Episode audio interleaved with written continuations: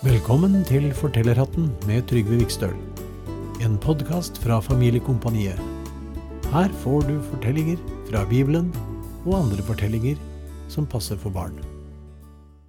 Noen ganger hører vi eventyr om spennende ting som har skjedd, og det syns jeg er veldig moro.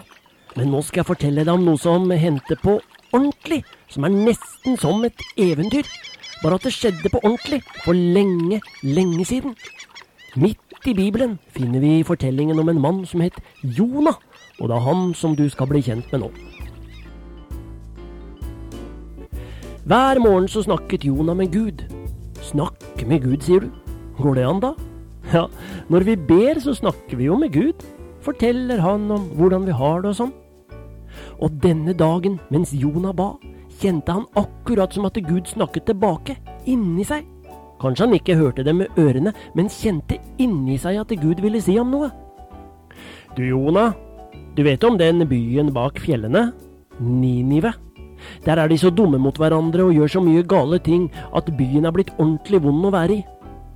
Jeg har tenkt at du kan gå til de folka der og fortelle om meg. At de må gjøre som jeg sier og være gode mot hverandre isteden. Da vil Ninive bli en god by å bo i. Jonas skvatt. Det var Guds stemme. Men dette torde han ikke. Han hadde hørt mye om den byen og tenkte at om han kom dit, så ville de helt sikkert bare mobbe og være ekle mot han også. Så løp Jonah ned til kaia der de store båtene lå, og gikk om bord i en båt som skulle til et helt annet sted, til byen Tarsis, på den andre siden av det store havet. Vinden tok tak i seilene, og Jonah glemte snart byen Ninive og de slemme menneskene som bodde der. Jeg har det nok best jeg bare med å tenke på meg sjøl, så får de andre gjøre sånn som de vil, sa han til seg selv, og sovnet. Men midt ute på havet begynte det å blåse opp. Det var snart full storm, og kapteinen måtte hive lasten på sjøen slik at ikke hele båten skulle gå under i bølgene. Er det ingen som ber til Gud her? ropte han. Hjelp! Hjelp! De går under! Da våknet Jonah. Han kjente hvordan båten gynget, og plutselig forsto han det. Det var hans skyld. Gud ville ikke at han skulle være på denne båten. Han skulle jo være et helt annet sted. Hvis det skal bli rolig, så må dere kaste meg over bord, sa Jonah.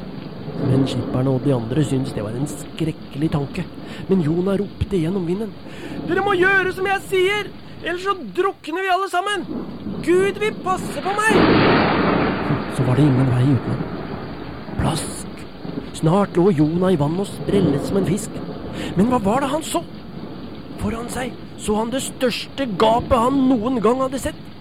Og ikke før han fikk tenkt seg om hva dette var for noe, lå han inni magen på den største fisken som måtte være i hele havet. Hjelp! ropte han. Er det ingen som kan høre meg? Men hvem skulle høre Jonah inne i fiskemagen, langt nede under de bråkete bølgene? I tre dager lå han der og ropte om hjelp. Han tenkte at alt håp var ute, og at han aldri fikk se verken solen eller vennene sine igjen. Men det var en som hadde hørt Jonas sine rop om hjelp. Ropene hadde gått gjennom fisken, opp gjennom vannet, over de bråkete bølgene og helt til Gud i himmelen. Han hadde sett Jonah hele tiden. Og nå lot han fisken bli så kvalm av mannen inni magen at den svømte mot land og kastet like godt Jonah opp på stranda før den svømte ut i havet for å få seg et skikkelig rekemåltid eller noe annet snadder. Jonah tørket slimet bort fra klærne og myste mot den varme solen. Så hørte han stemmen igjen. Når jeg var med deg i fiskemagen, tror du vel at jeg vil gå sammen med deg til Ninive også? Han kjente stemmen igjen inni seg. Det var Gud selv. Og nå forsto Jonah at Gud ville gå med uansett hvor veien gikk.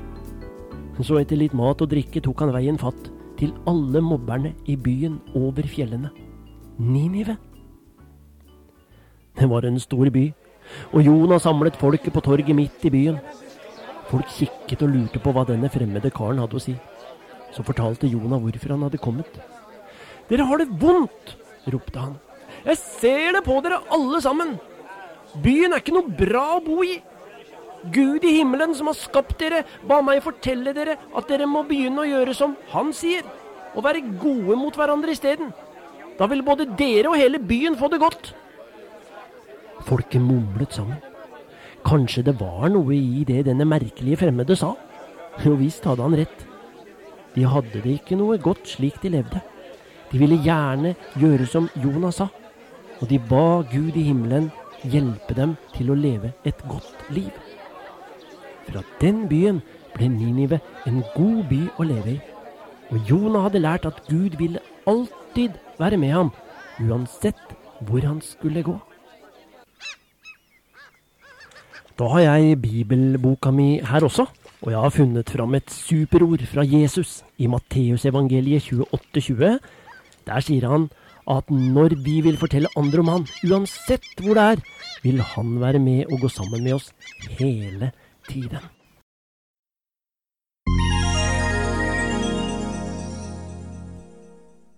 Da var det slutt for denne gang.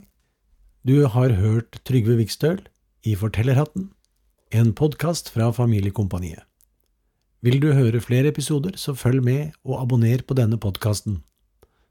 Vil du høre musikk med Trygve, så kan du gå inn på familiekompaniet.no og sjekke ut hva han har laget. Du kan også søke på Trygve Vikstøl på ulike strømmetjenester som Spotify, Apple Musikk, YouTube osv. Lykke til!